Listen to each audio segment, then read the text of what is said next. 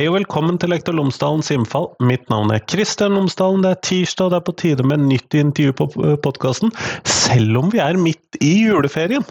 Men denne gangen så snakker jeg med Silje Andresen fra Fafo, og jeg er faktisk litt usikker på hva jeg skal kalle henne. Men når opptaket ble gjort, så var hun doktorgradsstipendiat, og nå i mellomtiden så har hun faktisk eh, hatt disputasen sin.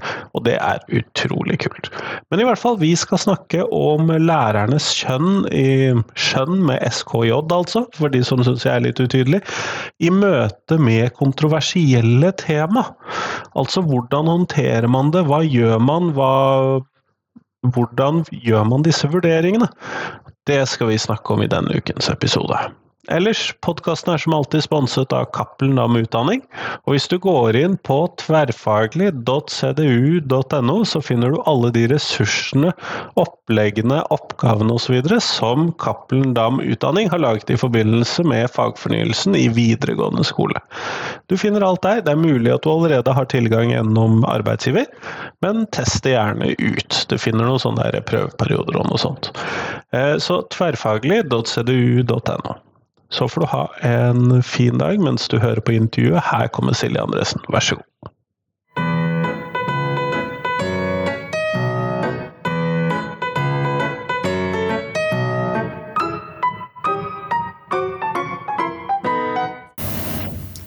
Silje Andresen, tusen takk for at du har tatt deg tid til meg i dag. Tusen takk for at jeg får lov å komme. Før vi starter på selve samtalen, så hadde jeg håpet at du kunne fortelle lytterne mine tre ting om deg selv, sånn at de kan få bli litt bedre kjent med deg. Ja. Eh, jeg har snart en doktorgrad i sosiologi. Eh, jeg er en nevrotisk ekstrovert eh, og skriver lister over lister jeg skal skrive. Og så når jeg var elleve år, så spilte jeg i Møllers Tran reklamefilm. Det var uh, ting som jeg ikke har hørt før. Gøy. Det er bra. Ja. Eh, en av de tingene du har jobbet med i løpet av din forskerkarriere, er uh, kontroversielle temaer og de valgene vi lærerne tar i forbindelse med dette. Og det vil jeg gjerne snakke med deg om. Og da må vi jo kanskje starte med hva er det du mener at vi snakker om når vi snakker om kontroversielle temaer? Eh, sånn jeg forstår kontroversielle temaer i min avhandling, er på en måte liksom sånn ladet uenighet i klasserommet. Og det er jo en debatt om, innenfor forskningsfeltet om hva man kan kalle et kontroversielt tema, hva man bør kalle et kontroversielt tema. Eh, men jeg har nok landa litt på det som Emil Sætra også snakker om, at liksom man må forstå kontroversielle temaer kontekstuelt at hva som er kontroversielt, varierer fra klasserom til klasserom, skole til skole og land til land. I ett klasserom så kan vindmøller være et kontroversielt tema, mens i et annet klasserom så kan hijab eh, skape uenighet og debatt. da. Nettopp. sånn at eh, da, For jeg har tidligere hørt en definisjon på dette med kontroversielle temaer, hvor man da har snakket om temaer hvor skolen ikke har et klart svar, eller hvor samfunnsdebatten ikke har et klart svar. Men her så, dette er en litt annen definisjon. Ja, og det, det tror jeg du tenker på Stradling sin definisjon om ting det er liksom verdiuenighet om i samfunnet. som jeg også er, Men, men hva At det kan ikke defineres i forkant av. Man må være i en situasjon, eh, tenker jeg, for å finne ut akkurat Man kan ikke før man presenterer et tema i klasserommet, være helt sikker på at det er å oppfatte som kontroversielt eller ikke. Men så når du da snakker om disse kontroversielle temaene, så handler da det om disse situasjonene som oppstår i klasserommet når disse temaene tas opp? da? Ja, eh, og det kan både være i planlagt undervisning, at læreren har planlagt eh, en samfunnsfagslærer har planlagt å undervise om rasisme eller integrering eller religionskritikk i en religionstime. Eh, og er forberedt på at dette her kan oppfattes som kontroversielt blant elevene. At det kan være uenighet i klasserommet, eller det kan eh, oppstå av seg selv. Ved at en elev kommer med et fordomsfullt utsagn eller eh, presenterer en konspirasjonsteori. Jeg hadde en lærer som fortalte f.eks. For underviste om Israel-Palestina-konflikten, og så rekker han opp hånden og sier 'jødene styrer verden'. Og da er det jo noe læreren må eh, reagere på der og da. det kan jo være relativt krevende. Eh, hva, for du har jo da snakket med en del lærere, sånn som jeg forstår det. Eh, Ja. Hvordan har de oppfattet å stå i det? Ja, Det er jo det som på en måte som er tema på min avhandling, er jo hvordan lærerne må bruke skjønn i disse situasjonene, og hva som Eller og på en måte pakke ut hvordan dette skjønnet eh, kan forstås og gjøres. Eh, Og det er jo veldig mye snakk om læreres skjønn, eh, både i styringsdokumenter og tidligere kunnskapsminister Guri Melby har jo flere ganger sagt at hun har tillit til lærernes skjønn. Men hva det skjønnet er, eller hvordan det skal gjøres, eller hvilke ressurser lærerne har til å utøve dette skjønnet, det eh, snakkes ikke så mye om. Og det er det jeg har på en måte hatt lyst til å utforske med da kontroversielle temaer som case. Men hvordan forstår du da denne skjønnsutøvelsen, da? Eh, I skolen, hvordan, hvordan forstår du den i seg selv? Ja, for da har jeg gitt at jeg også er sosiolog. eh, Det har nok en påvirkning, vil jeg tro. Ja, eh, så har jeg vært opptatt av på en måte de institusjonelle eller kontekstuelle rammene rundt lærerens skjønnsvurderinger. Eh, fordi jeg ikke er pedagog, så jeg liksom, mer- har jeg ikke vært så opptatt av liksom de, akkurat de sånn pedagogiske strategiene og disse tingene her, men hva som både muliggjør og begrenser lærernes skjønnsrom og skjønnsvurderinger i klasserommet. Nettopp. Og når du da har sett på dette, så har du da vært og eh, snakket med disse lærerne. Og, men kunne du da tegne et bilde? Hvordan ser klasserommet ut da for disse lærerne med tanke på disse temaene som du har ønsket å bruke som eh, vinkling på dette? Ja, for, for det jeg har gjort, jeg har også eh, gjort klasseromsobservasjon. Ja. Så jeg har sittet i eh, en religion- og etikklasse og en samfunnsfagsklasse på to skoler. Og de to skolene har vært eh, to Oslo-skoler, men med veldig forskjellig elevsammensetning. Både når det gjelder andel minoritetsspråklig, sosioøkonomisk status og karaktersnitt for å komme inn på skolene. Så kanskje en sånn typisk østkantskole i Oslo og en mer typisk vestkantskole i Oslo. Um, og så har jeg intervjua 16 lærere som underviser i de samme fagene, etter jeg har observert. Og så husker jeg ikke hva du spurte meg om. Du lurte på hva jeg har funnet? ja hvordan, hvilket bilde tegner disse lærerne? For de må jo da stå Ja. i De må jo møte disse kontroversielle spørsmålene, eller de må oppfatte denne hverdagen sin. da Ja, og det, og det jeg eh, har sett på f.eks. i den ene artikkelen min, er liksom hva som begrenser eh, undervisningen av kontroversielle tema. Eller lærernes skjønn i å undervise kontroversielle tema. Og da er det tre ting som Det er sikkert mange flere ting, men tre ting som jeg trekker frem basert på disse eh, intervjuene og observasjonene. Og det er jo at eh, elevsammensetningen har veldig mye å si. At lærerne er veldig vare på å ikke støte eller sant, måten de presenterer temaet på. eh, Da er de avhengig av de, at ikke de føler at de krenker eller støter noen av elevene. Eh, og da, hvis de har en god relasjon, så er det lettere å vite eh, hva de kan si og ikke si. Og så har jeg også sett på selve klasseromssituasjonen. Eh, hvis det er en, en klasse hvor det er mye støy og uro og liksom mangel på disiplin. Det er kanskje et dårlig ord, men hvor ikke læreren føler at det er liksom Jeg tror vi forstår hva du mener da med ordet. Ja, ja.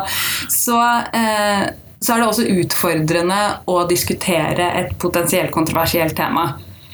Fordi det da er en fare for at alt går over styr, og at folk snakker i munnen på hverandre, og da mister man det mulige læringsutbyttet, da. Og til slutt så har jeg også sett på den det jeg kaller en sånn konflikt mellom skolens overordnede dannelsesideal og konkrete kompetansemål. Fordi de lærerne jeg snakka med, hadde alle sammen et ønske om å lære elevene kritisk tenkning og legge til rette for dialog i det som Lars Led Iversen kaller et uenighetsfellesskap, hvor det er rom for ulike eh, meninger. Eh, men så skal jo disse elevene stå til eksamen. Eh, her, jeg gjorde jo datainnsamlingen min før fagfornyelsen, men det var masse kompetansemål som skulle eh, måkes gjennom, som de sa. Og da er det noen ganger at det får forrang istedenfor eh, en time hvor man kan prøve ut en diskusjon rundt et potensielt vanskelig tema. Men er det en problemstilling at timen går litt sånn i kaos? Sånn som du Fordi at det, det, det trakte vel frem at det var noe man fryktet? Jo, men, men altså, kaos på bakgrunn av engasjement, det likte de lærerne jeg snakka med. Hvis liksom det begynte å koke fordi folk var engasjert og mente ting og hørte på hverandre. Men hvis det var kaos fordi de uh, satt på telefonen sin eller så på filmer eller snakket om andre ting, uh, og ofte da hvis du åpner opp for diskusjon, og det var en klasse hvor det lett kunne skli ut, så var det vanskeligere å få hanka det inn. Så det er liksom ulike former for kaos, da. Og så kan det vel med noen av disse temaene utløse hva skal vi kalle det, eh, ikke debatter, men eh, direkte krangler, kanskje vi kunne kalle det også?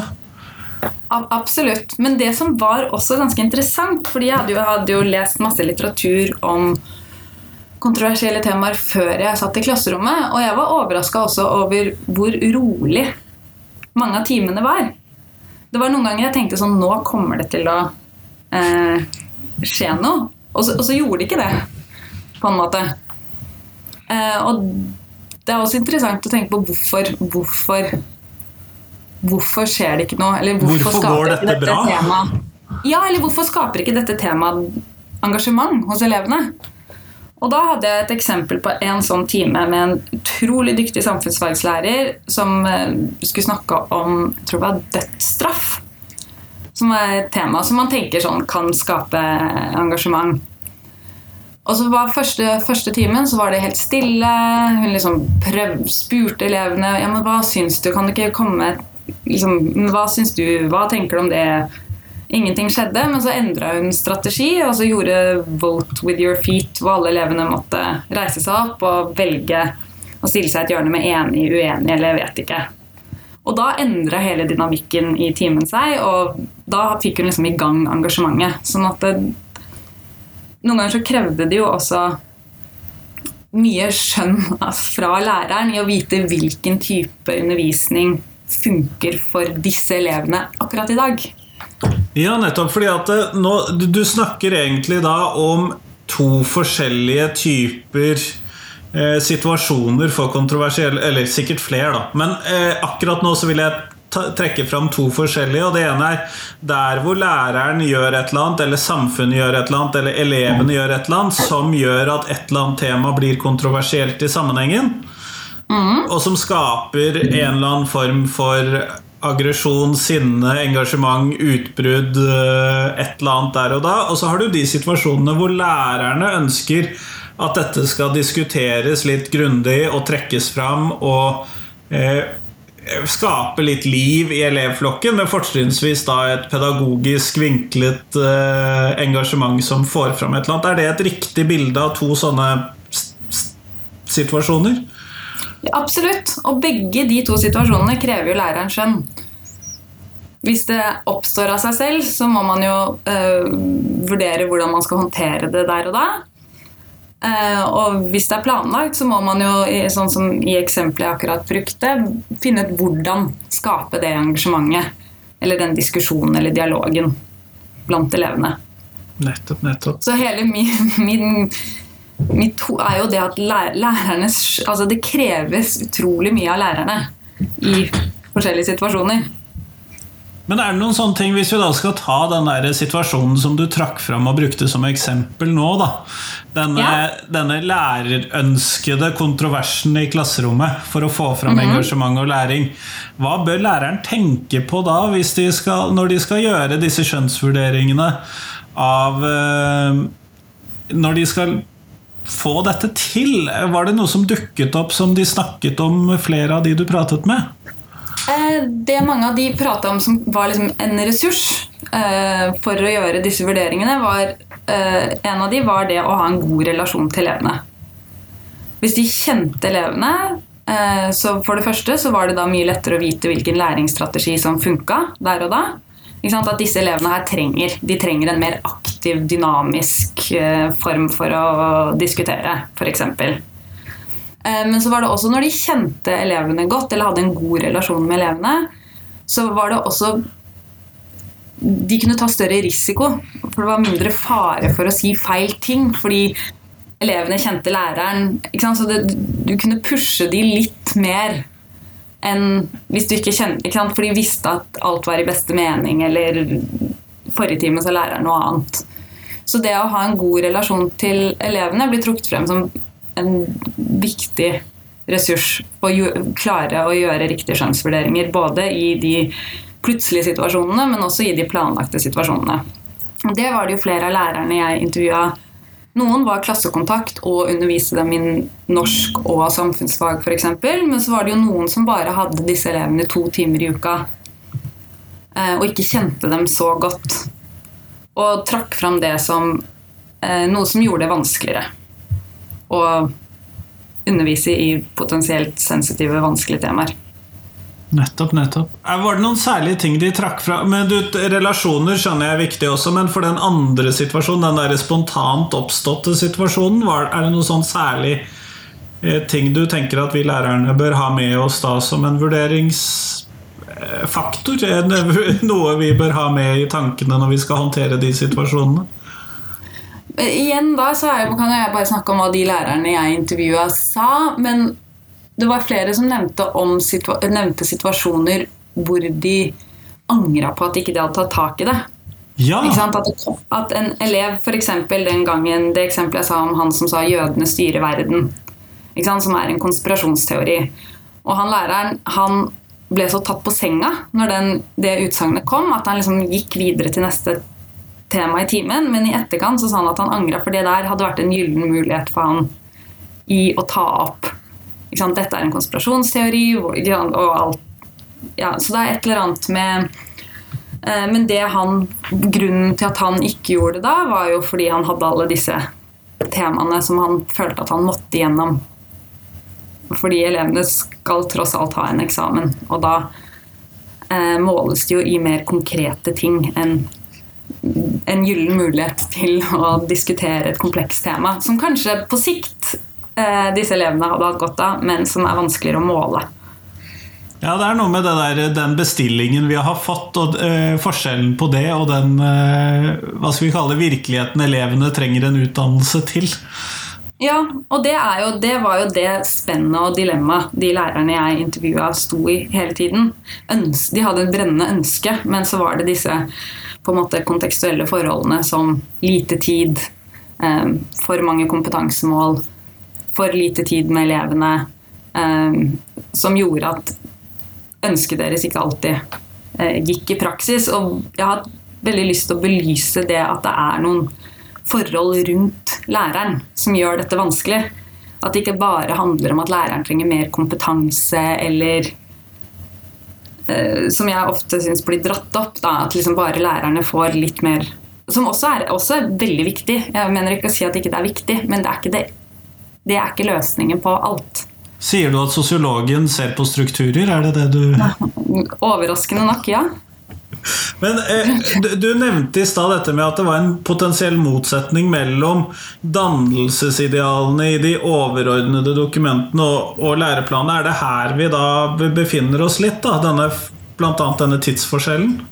Eller tidsproblemet? Eh, ja. ja. Det var nettopp sant, det, det, det ideale og realitetene. Og det eh, avstanden mellom, me, mellom de to. At i en travel hverdag med lite tid og eh, to timer i uka, så var det ikke alltid mulig å realisere dette idealet på en måte, selv om alle lærerne i intervjuet trakk det frem som Når jeg spurte dem hva er formålet med skolen, så var det det som ble trukket frem hver gang. Har du da gjort deg noen tanker, og nå ber jeg ikke nødvendigvis om hva du kan bevise eller eh, sannsynliggjøre, eller noe sånt, men har du gjort deg noen tanker da om eh, hvordan dette kunne vært håndtert hvis de ikke hadde disse læreplanmålene eh, som satte så klar bestilling som gikk i strid da med den tiden eller idealet som lærerne selv hadde? Det er jo, eh, jeg var, på en, var med i en klasse på et sånn dagstur til et senter hvor de skulle ha om fordommer. Og da brukte elevene en hel dag og gjorde masse forskjellige øvelser og diskuterte og ble kjent. Altså sånn, så det handler jo om å ha nok tid til eh, å kunne prøve å feile litt, på en måte. Så det er jo én ting som Kunne vært gjort. Ja. Å sette litt Altså, ja, ha muligheten til å ha mer sånne lengre strekk med undervisning. Eh, hvor læreren har litt rom til å prøve ut forskjellige ting. Ja. Men dette her vet vet jeg ikke helt om Men det er inntrykket mitt at lærerne savna det. Jo, og det, der vet jeg at jeg ba deg ut på tynn is, for dette går jo da litt sånn i hvordan skal vi da anvende det du har funnet ut? Eh, Ja. Og det er jo ofte den vanskeligste delen når man har sett på dette med forskerøyne, vil jeg jo tro. Ja, men så har jeg jo også ikke sant, Jeg har jo sett på hva som begrenser dette skjønns, eh, skjønnsrommet. Men så har jeg jo også sett på liksom hva som muliggjør, og hvilke eh, ressurser lærerne trekker på. Og da er jo det Selv om jeg nå sa at kompetanse ikke er det eneste viktige, men så er jo det å ha tilstrekkelig kompetanse Lærerne som eh, hadde en, sånn, en bakgrunn fra sosiologi eller eh, sosialantropologi og underviste samfunnsfag, var mye mer komfortable enn de som hadde samfunnsøkonomisk bakgrunn, som også er, gir deg nok studiepoeng til å undervise i samfunnsfag på videregående skole, i å undervise i eh, rasisme, f.eks., for eller fordommer. Um, så det å ha uh, Å føle seg trygg som lærer og ha nok kompetanse, det er uh, da, da hadde man en ressurs å trekke på når man skulle gjøre disse skjønnsvurderingene av hva funker her og nå med denne klassen. Uh, og det med relasjonen igjen, det å ha at lærerne kanskje har tid eller nok timer med elevene til å bli kjent med dem, er en eh, ressurs. Og så så jeg også på hvordan lærerne kunne bruke sine egne verdier Ja. som en ressurs. Og da var det spesielt på denne Østkantskolen, hvor veldig mange av elevene var veldig åpne om religiøs tilhørighet og synspunkter. Og da var det også en mulighet for læreren å fortelle litt mer om hva de trodde på eller syns, og det gjorde at elevene åpna seg mer. På en måte. Sånn at det fins jo altså Jeg vet ikke om jeg svarte på det du spurte om akkurat nå. Nei, Men Men jeg tror du gjorde det. Uh, og så hører jeg jo det ut ifra det du sier, så er noen av disse faktorene er ting som lærerne kan gjøre noe med i sitt klasserom i dag, fordi at de kan da velge en litt mer åpen linje, sånn som du skisserer, eller de kan eh, Hvis de klarer å legge bedre til rette for relasjonene og sånn, for sin del. Og så hører jeg noen ting som kanskje er ledelsesproblematikk eller ledelsesproblemstillinger, sånn som da tidsbruken som hver lærer har med den aktuelle klassen, eller eh, fagsammensetninger, eller hvilke lærere med hvilke fagbakgrunn som brukes i forskjellige fag. Eh, sånn at jeg hører jo et veldig komplekst bilde du har sett på. Ja, men er det ikke alltid sånn når man begynner å grave i ting? Eh, Men jeg tror det er på en måte det Nettopp den der, det, det strukturelle, det der med ledelse eller måten skolen er organisert på, eh, og styringsdokumentene virker inn eh, i lærerhverdagen, er det jeg har hatt lyst til å synliggjøre. At eh, det er ikke kun den, opp til den enkelte lærer. Det er noen rammer rundt her som, eh, som gjør ting mer eller mindre gunstig da, når det gjelder nettopp å undervise i kontroversielle temaer, som kan være en inngang til eh, å nå en del av de overordnede målene med skolen. Hvor elevene får brynet seg på eh, demokratisk medborgerskap og kritisk tenkning og disse litt mer sånne høytflyvende eh, begrepene på et eller annet vis. Ja, for her er det jo et spørsmål, og dette er jo et spørsmål du definitivt ikke egentlig kan svare på. Men det er jo hvordan ville undersøkelsen, hvis vi hadde flyttet doktorgradsprosjektet ditt, si ti år i tid, da? Eh, Hvis dette ble gjort da og innlevert i 2031, når denne eh, eh, læreplanen nå har fått virket en stund, hvordan ville det vært noe annerledes funn eller forskjellen mellom da dannelse og faktisk undervisning, hvordan ville forskjellen vært der? Det er jo veldig interessant. Veldig, og det kommer jo, men det er jo andre rammer rundt læreren enn enn bare læreplanene, da. Som ikke eh, blir endra, kanskje. Ja, og så kan man jo kanskje ikke styre om det er den samme samfunnsproblematikken som er til stede i samfunnet rundt osv., så, videre, så det vil jo være litt Ja. vanskelig å undersøke. Absolutt. Men så lurer jeg også på sånn, det at man har lite tid. Eh, at det er et bitte lite klasserom med 30 elever som sitter pakka. Altså, eh, det er jo en del sånne eh, helt konkrete ting som eh, kan gjøre dette her utfordrende, selv om det tilsynelatende ser ut som det er mer rom i den nye læreplanen for at læreren skal kunne velge litt mer selv. Ja, nettopp. Så du tenker rett og slett at klasserommet i seg selv da potensielt kan være noe som gjør at det ikke forandrer seg så mye, selv om noen av de andre rammevilkårene endrer seg? da? Ja. Jeg, jeg tror det Ja, jeg tror det For nå er det jo bare læreplanen som har endra seg. Um, men de har vel like mange timer med disse fagene i uka.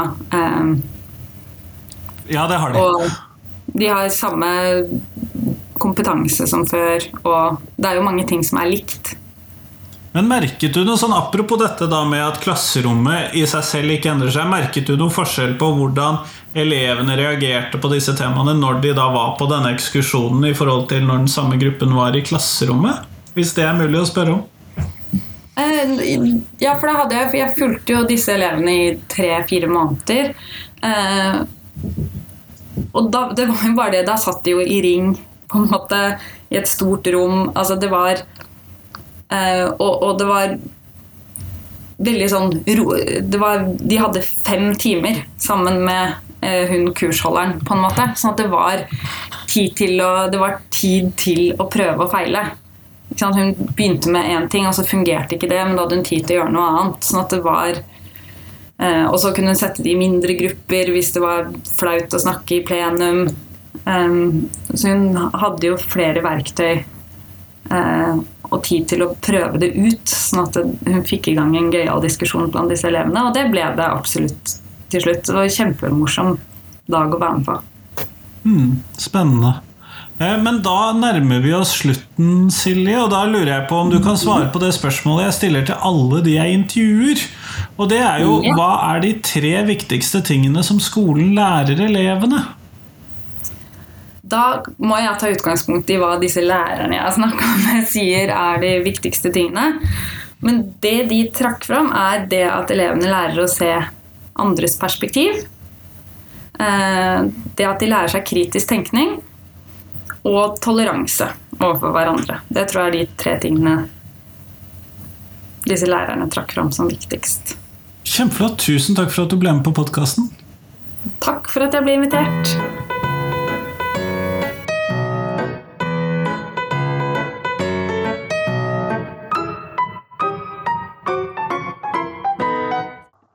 Tusen takk til Silje, og tusen takk til deg som hørte på. Nå er vi jo midt i juleferien, og da har du masse tid til å høre på podkast mens du ignorerer eventuelle unger, samboere, matlaging osv., og, så og bare slapper av i julestria. Eh, Da kan du gå inn og så kan du finne gamle episoder på podkasten. Jeg blir utrolig glad for hvis du finner en favoritt som du ikke har hørt før. Det ville varme mitt hjerte i juletiden. Men i hvert fall, Slapp av, ta det med ro. Nyt livet, så kommer hverdagen eh, tidsnok etter hvert. Så får du ha en fin uke. Hei, hei.